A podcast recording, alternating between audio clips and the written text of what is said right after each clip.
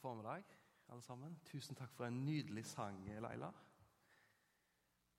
Tenk å kunne synge sånn. Det hadde vært noe. Jeg håper du har hatt ei god helg. Kanskje du til og med har hatt lang helg. Vært så heldig. På torsdag så var det jo Kristi himmelfartsdag. En av de mange ekstra fridagene i Norge på denne tida av året. Det er herlig, herlig med fri. For eh, Kirka er Kristi himmelfartsdag en veldig viktig dag. Det er den dagen Jesus forlater disiplene og inntar plassen ved Faderens høyre hånd. Det vil si at en korsfesta, men oppstanden i Jesus nå har del i Guds allmakt og fra sin opphøyde tilværelse styrer sin menighet her på jorda. Nå er ikke Jesus lenger bundet av tid og sted og rom. Han er overalt. Og Dagens tekst og preken handler om hva Jesus sa og gjorde på Kristi himmelfartsdag. Derfor skal vi ta oss og lese fra Markus, kapittel 16. Og jeg tar fra vers 15 og ut kapitlet. Og han sa til dem, gå ut i hele verden og forkynne evangeliet for alt som Gud har skapt. Den som tror og blir døpt, skal bli frelst, men den som ikke tror, skal bli fordømt. Og disse tegnene skal følge dem som tror.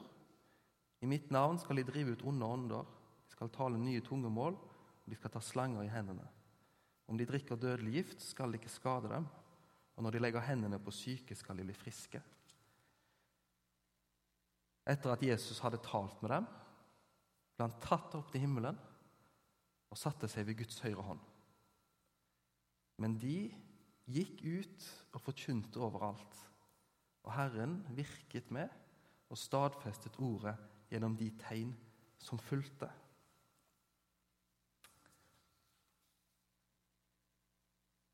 Himmelske Far, takk for ditt ord og for at du er nær oss her i dag.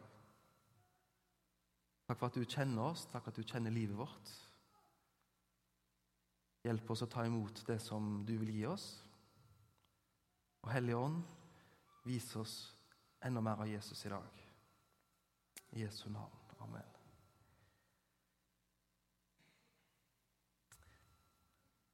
Ja, Kristi himmelfartsdag er en veldig spesiell dag. Et eh, kanskje litt sånn spesielt navn også.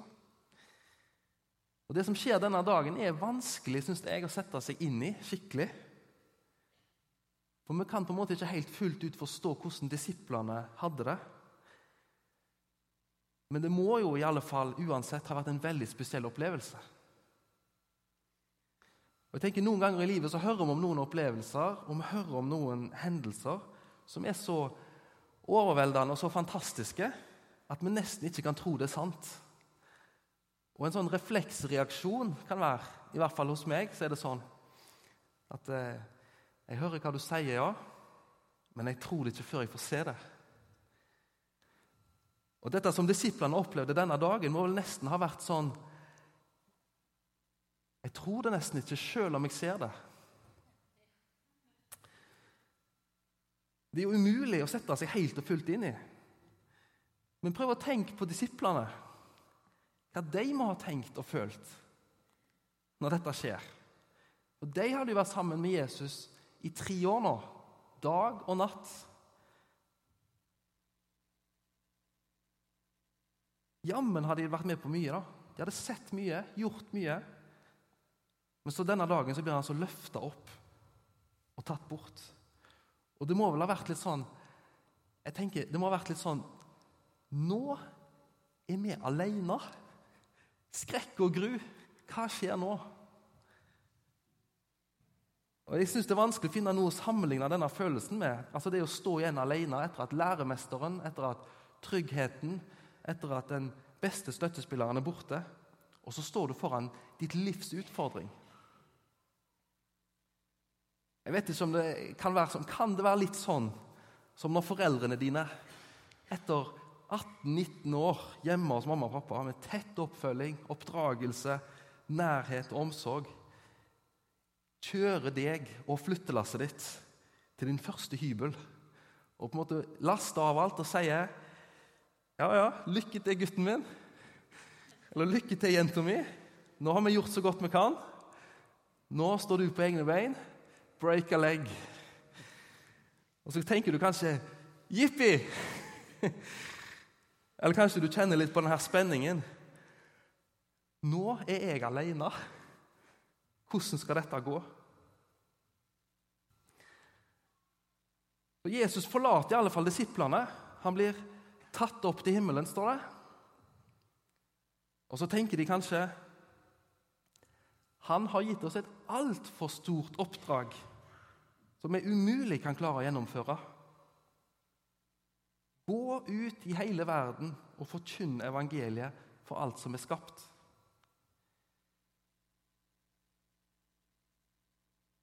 Jesus hadde tidligere sagt at eh, han skulle komme tilbake. Eh, så Kanskje den dagen så står disiplene der og så tenker nei, De begynner å vedde, kanskje. Så sier en jeg gir han, jeg gir han 30 minutter. Jeg er sikker på at han er tilbake om 30 minutter. En annen sier kanskje nei, jeg gir han tre dager. Han har vært vekke tre dager før og kom tilbake. Uansett, han kommer nå snart. Og Så står de i alle fall der så lenge og ser opp mot himmelen og venter på at han skal komme tilbake. At Gud må, som det står i apostlenes gjerninger, sende to engler og fortelle at de måtte gå hjem.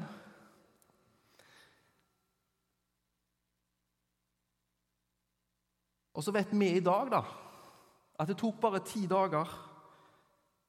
Og så kommer heldigvis Den hellige ånd som en vind på pinsedag. Tunger som av ild satte seg på hver enkelt av disiplene, og de ble alle sammen fulgt av Den hellige ånd.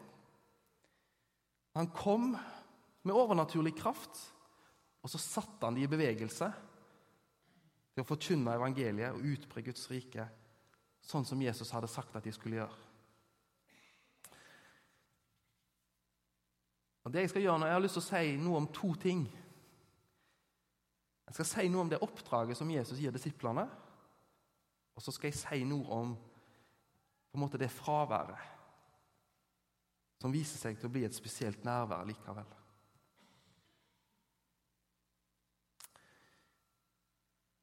Så som vi leste da, så er det altså på Kristi himmelfartsdag at Jesus gir disiplene misjonsbefalingen.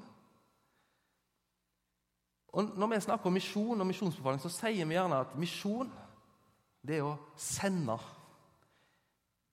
Å være misjonær det er å være utsending med et oppdrag. Og Denne dagen så er det det Jesus gjør. Han sender disiplene ut. Og På en måte så har dette opphav i hvem Gud er, i Gud sjøl. Og det at Faderen sendte Sønnen. Jesus han sa en gang at 'min mat det er å gjøre Hans vilje, som har sendt meg'.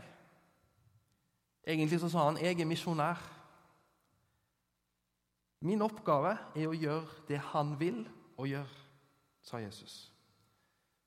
Så vet vi at Gud sendte ikke Sønnen for å dømme verden, men for å frelse verden. Men det står i Johannes 3, 17.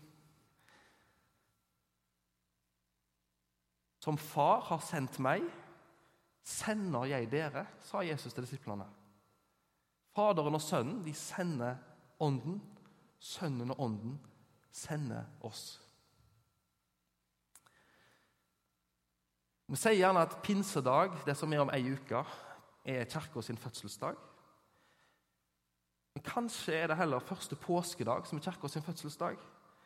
Det står i hvert fall i Johannes 20, når vi leser eh, om Jesus der, så står det at han, hadde stått, han sto opp fra de døde. Og så møter han disiplene, og så sa han til dem Fred være med dere. Som far har sendt meg, sender jeg dere. Så ånda han på dem og sa, ta imot Den hellige ånd. Jeg tror i hvert fall at vi kan si at Kristi himmelfartsdag og pinsedag er til sammen misjonens fødselsdag. Og jeg tenker, Tenk på alt det som skjer i Jerusalem disse dagene, eller disse ukene.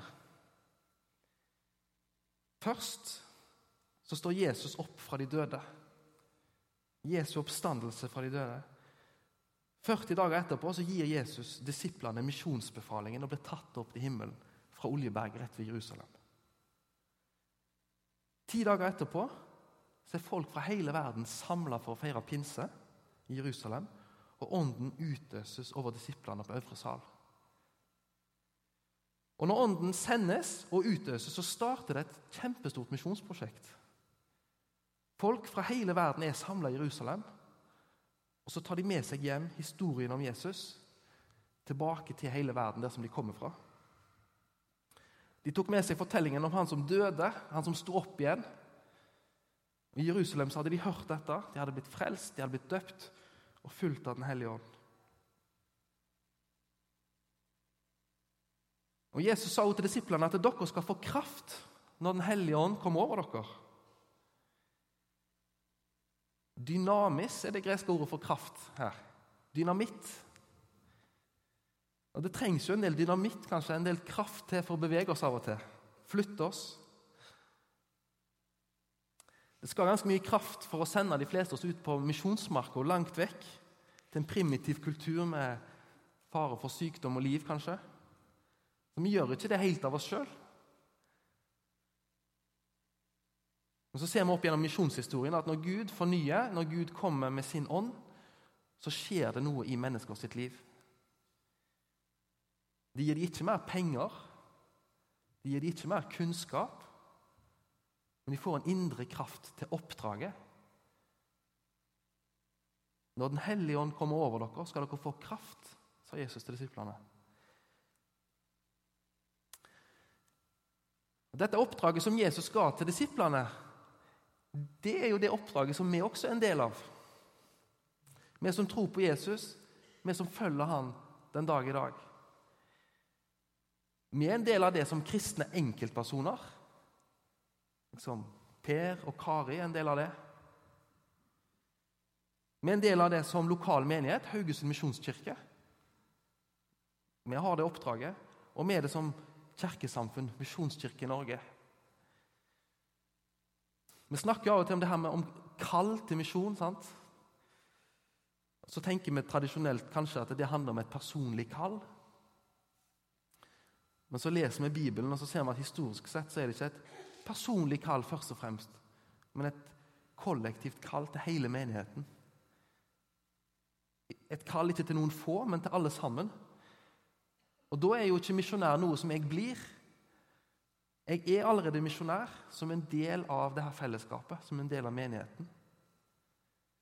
Sendt av Gud for å forkynne evangeliet for alt som Gud har skapt. Overalt. Sånn som Jesus sa til disiplene.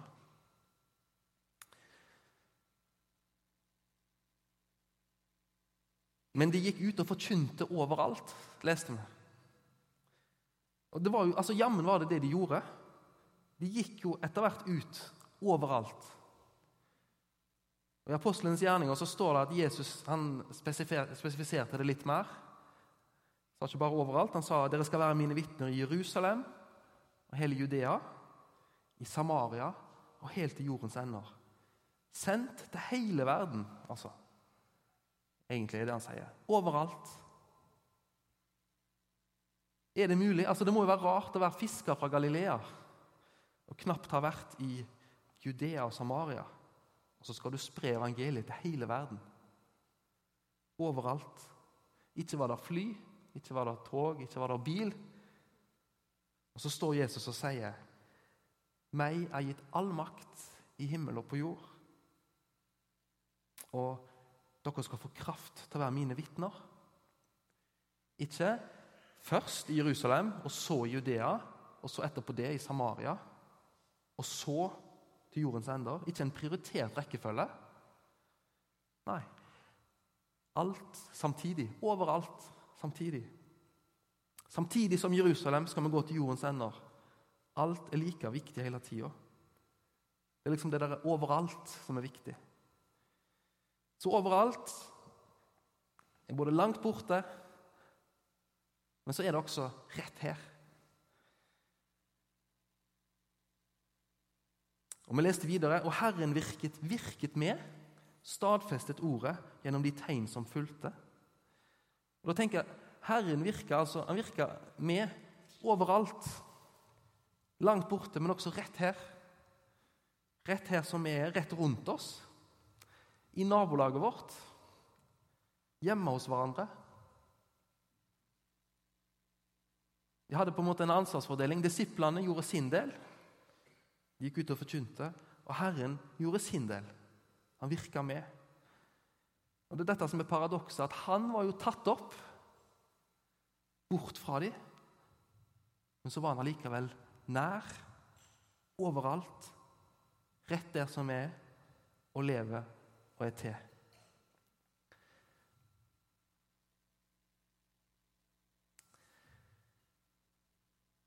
Disippelen Peter han var jo der sammen med de andre når Jesus forlot dem.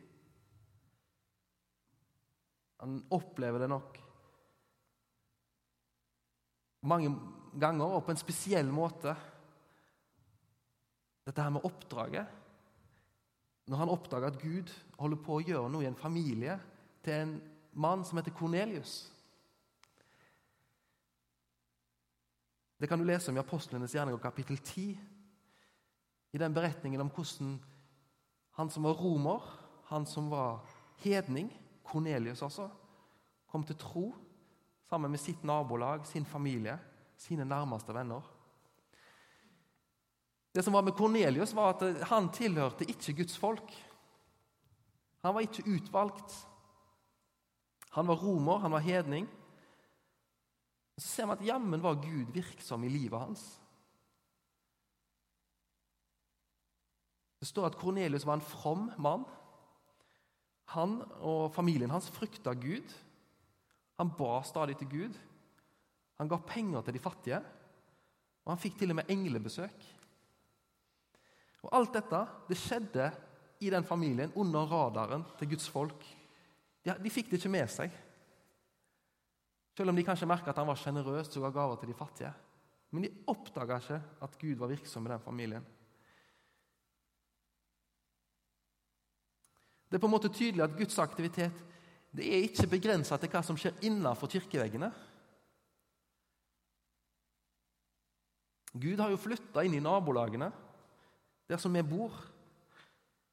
Han er aktiv lenge før vi er til en plass. Og Spørsmålet blir gjerne om vi får det med oss. da. Om vi ser, og om vi forstår hva Gud gjør kan jeg stille seg spørsmål hva skjer, liksom, hva skjer rundt oss? Hva skjer i landet vårt? Hva skjer der vi bor? Kan vi se noen tegn på at Gud er aktiv?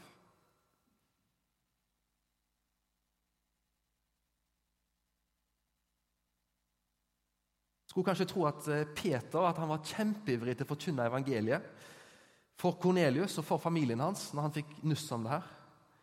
Men han var ikke det. Det virker som det var svært vanskelig for Peter å forstå at Gud var virksom utenfor rekken av Guds utvalgte folk. Men heldigvis da, så var Peter i alle fall, han var mottagelig for Guds tiltale. Det står at han var i bønn eh, når han fikk et syn av Gud. Og Etterpå så fikk han besøk av engler. Peter hadde faste tidspunkter i døgnet hvor han ba.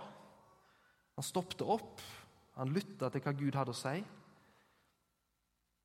Og Det er jo litt sånn med oss, oss at Hvis vi ønsker å koble oss på det som Gud gjør, i omgivelsene våre, rett rundt oss, så må vi av og til stoppe litt opp og så må vi spørre ja, hva, hva skjer, Gud, i omgivelsene våre? Hva skjer rett rundt oss? Hva prøver Gud å si til deg gjennom det? Ser du tegn på Guds aktivitet? på en måte? Hvordan kan du involvere deg i det som Gud gjør? En annen plass så leser vi om, om disiplene som gikk ut, ble sendt ut og møtte fredens mennesker. Altså noen som var fredelige og vennligstilte. Jeg tenker, du, Kjenner du noen som er fredens mennesker i ditt nabolag? Som er positiv til deg, som er kontaktsøkende? Kanskje er Gud allerede virksom i deres liv. Peter han eh, spiste, han oppsøkte denne familien med Kornelius, og så gikk han inn til dem og spiste sammen med dem. Og Det var heller ikke populært blant de jødiske lederne. En skulle ikke gjøre det. Men så skjer det noe i det her måltidsfellesskapet. Og jeg tenker at I det måltidsfellesskapet, hvor vi får møte kirkeuvante, møte fremmede naboer, så kan det vise seg masse åpenbaringer om en Gud som er virksom overalt. Langt utafor menighetens grenser. Og Kanskje kunne vi lese misjonsbefalingen sånn her at meg er gitt all makt i himmel og på jord. Gå derfor ut i all verden og spis og drikk. Jeg tenker, Hvis du vil oppdage hva Gud gjør i ditt nabolag, så er den beste måten å spise sammen med naboene.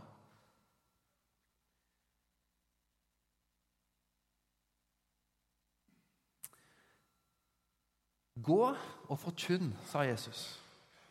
Og det skal vi jo gjøre. Vi skal jo forkynne også. Men det er kanskje ikke det aller første vi alltid skal gjøre.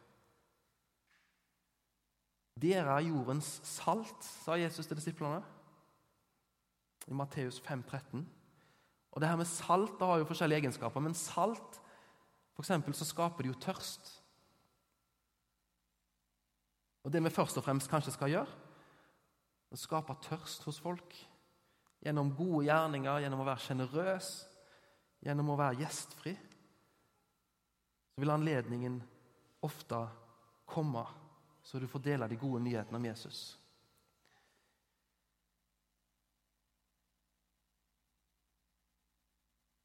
Jesus eh, ble tatt bort fra disiplene på Kristi himmelfartsdag. Han ble fraværende for at han skulle bli enda mer nærværende overalt. Og kanskje spesielt rett her rundt oss, der som du er. Jeg vet ikke hva tanker du får. Gud er allerede virksom i ditt nabolag, i din nærhet. Gud gjør mye mer enn du er klar over i ditt nabolag. Og Det er en utfordring egentlig til oss alle sammen. Hva gjør Gud rundt oss? Hvem er det som du kjenner som Gud allerede er nær hos og jobber med? Ja. Men så har jeg lyst til å si en ting til. Og det er at noen ganger så kjenner vi kanskje mye på det fraværet. Og mer på det fraværet av Jesus enn nærværet. En gang iblant, sjeldent eller ofte. Det varierer sikkert. Vi kan kjenne på at Gud sjøl rett og slett kjennes fjern. Som om Jesus ble tatt bort og opp og sitter veldig langt borte og kommer aldri tilbake. på en måte. Kanskje vi kan kjenne oss litt igjen i det som vi leser i, i salmene. For de som, de som skrev salmene for flere tusen år siden, sa f.eks.: Min Gud, min Gud, hvorfor har du forlatt meg? Hvorfor er du så langt borte når jeg trenger hjelp og skriker ut min nød? Fra Salme 22. Er det noe vi vet, så er det at livet kan være ganske tungt og brutalt av og til. Det kan være sykdom, ulykker, vanskeligheter tunge tanker, urettferdighet, ting som rammer oss. Og Da kan vi kjenne på akkurat det her. Hvorfor er Gud så langt borte? Hvorfor har du forlatt meg, Gud? Og Da har vi ikke så mye overskudd eller kraft til oppdraget. Da har vi mer enn nok med oss sjøl. I Apostelens gjerninger kapittel 1, vers 9 så står det om Jesus på Kristi himmelfartsdag. Men der står det at en sky tok ham bort foran øynene deres. Og Skya i Bibelen det er, det er, et sted for Guds nærvær. Og Så kan en sky være en plass hvor det er mørkt. Det kan være vanskelig å se retningen, men så er Gud nær i skya likevel. Og Det at Herren virker med, jeg tenker Det handler ikke bare om geografi, men òg at han er nær overalt. I alle deler av livet. Jesus ble tatt opp og ble fraværende, men samtidig så vet vi han ble enda mer nærværende også når livet er tungt.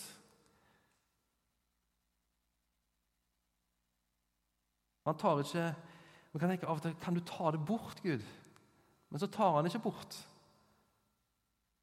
det som er vanskelig i livet. Men han har gjort noe med det. Han døde, han sto opp igjen for det. Han vant over døden og alt det vonde for at vi skal få nytt liv.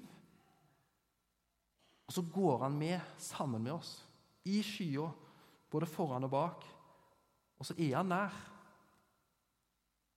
Selv om vi ikke kjenner det sånn alltid. Han har lovt å være med, og han kommer med sin kraft også i dag. Noen ganger ser vi det ikke sjøl. Så trenger vi noen å prate med og be sammen med. Jeg har egentlig bare lyst til å si bare ikke mist håpet, for Jesus er nær.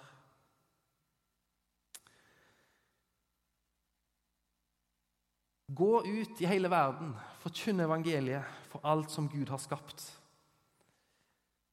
Jesus han sitter på tronen nå. Han er kongen, han sitter ved Faderens høyre hånd. Og når vi går ut med det oppdraget, så er han med overalt. Langt borte, helt nær, i hele livet. Det har han lovt oss. Skal vi ta og be sammen? Takk, Jesus, at du er vår Herre, du er vår konge. Du har, nå, du har all makt i himmel og på jord. Og du elsker alle mennesker.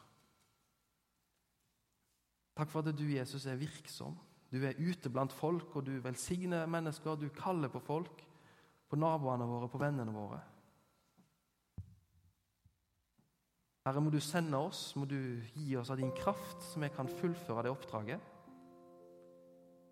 Og må du gi oss kraft også når vi kjenner mer på fravær enn nærvær. Takk, Jesus, at du hører, og du svarer, Herre, når vi ber. Amen. Amen.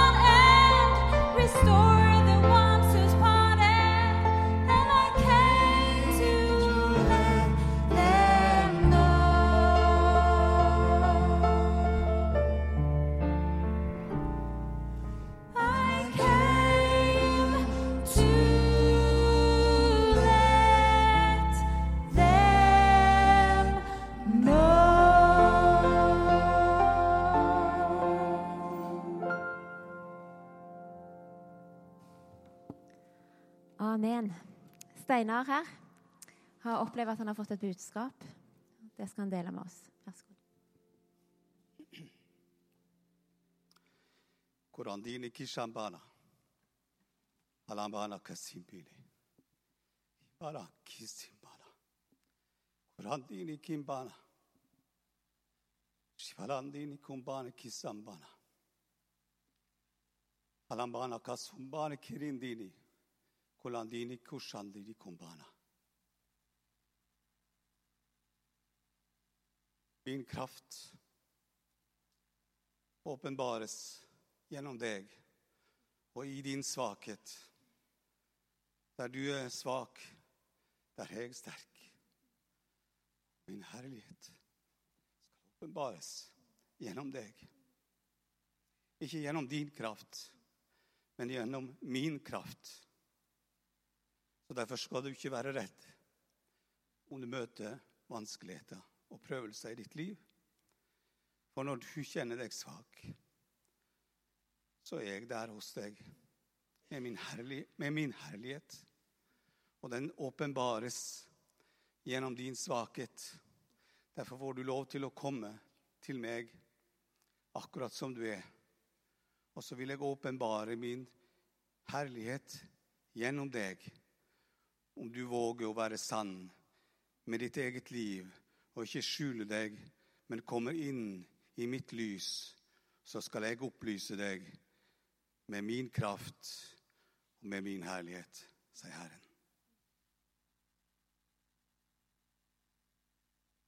Amen. Det var et budskap i tunger, og så kom tydningen. Og Gud taler ofte på den måten. Og Jeg har lyst til å bekrefte det budskapet som, som Steinar eh, kom med. For det var et ord som kom til oss når vi ba før gudstjenesten òg. Min kraft er nok for deg. Nei, min nåde er nok for deg, og min kraft fullendes i din svakhet. Så det opplevdes veldig godt, Steinar. Og er du her som opplevde at det var spesielt til deg, så ta det til deg. Gud ser deg, han vet om deg, og han kjenner deg. Har du en sang til, eller dere? Mm. Da synger vi sang, min eh, siste sang før eh, vi skal lyse, Gordon skal lyse velsignelse. Så er kapellet åpent om du ønsker forbønn. Om du ønsker bare å bli velsigna, så benytt deg av det tilbudet. Det Vi er noen som vil være med og be for deg hvis du ønsker det.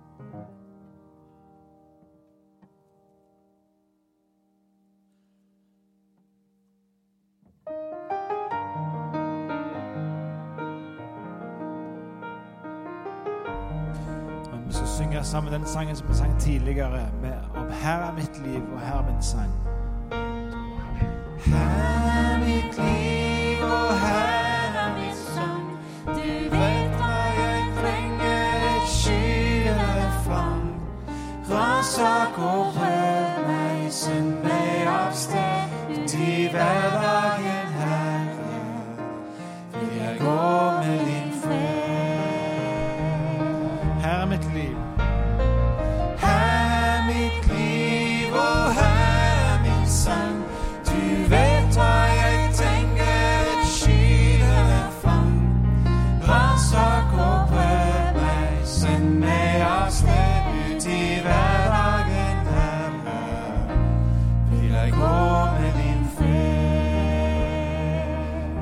Ta mitt allt.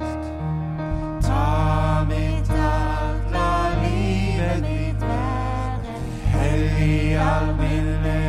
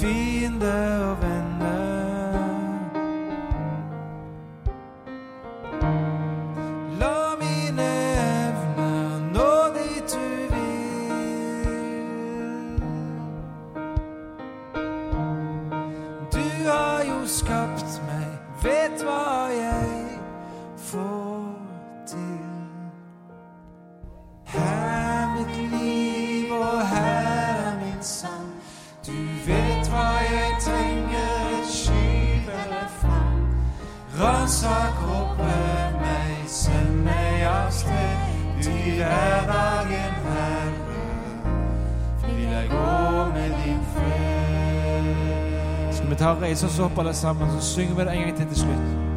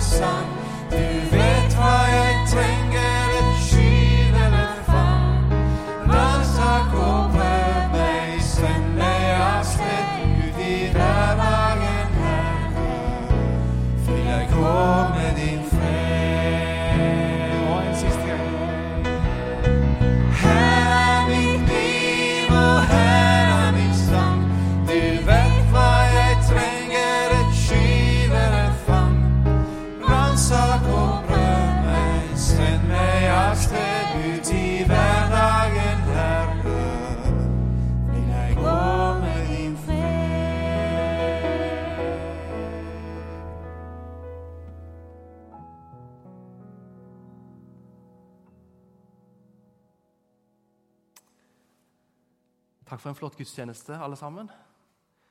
Dette har vi vært sammen om. Og eh, nå har vi vært samla.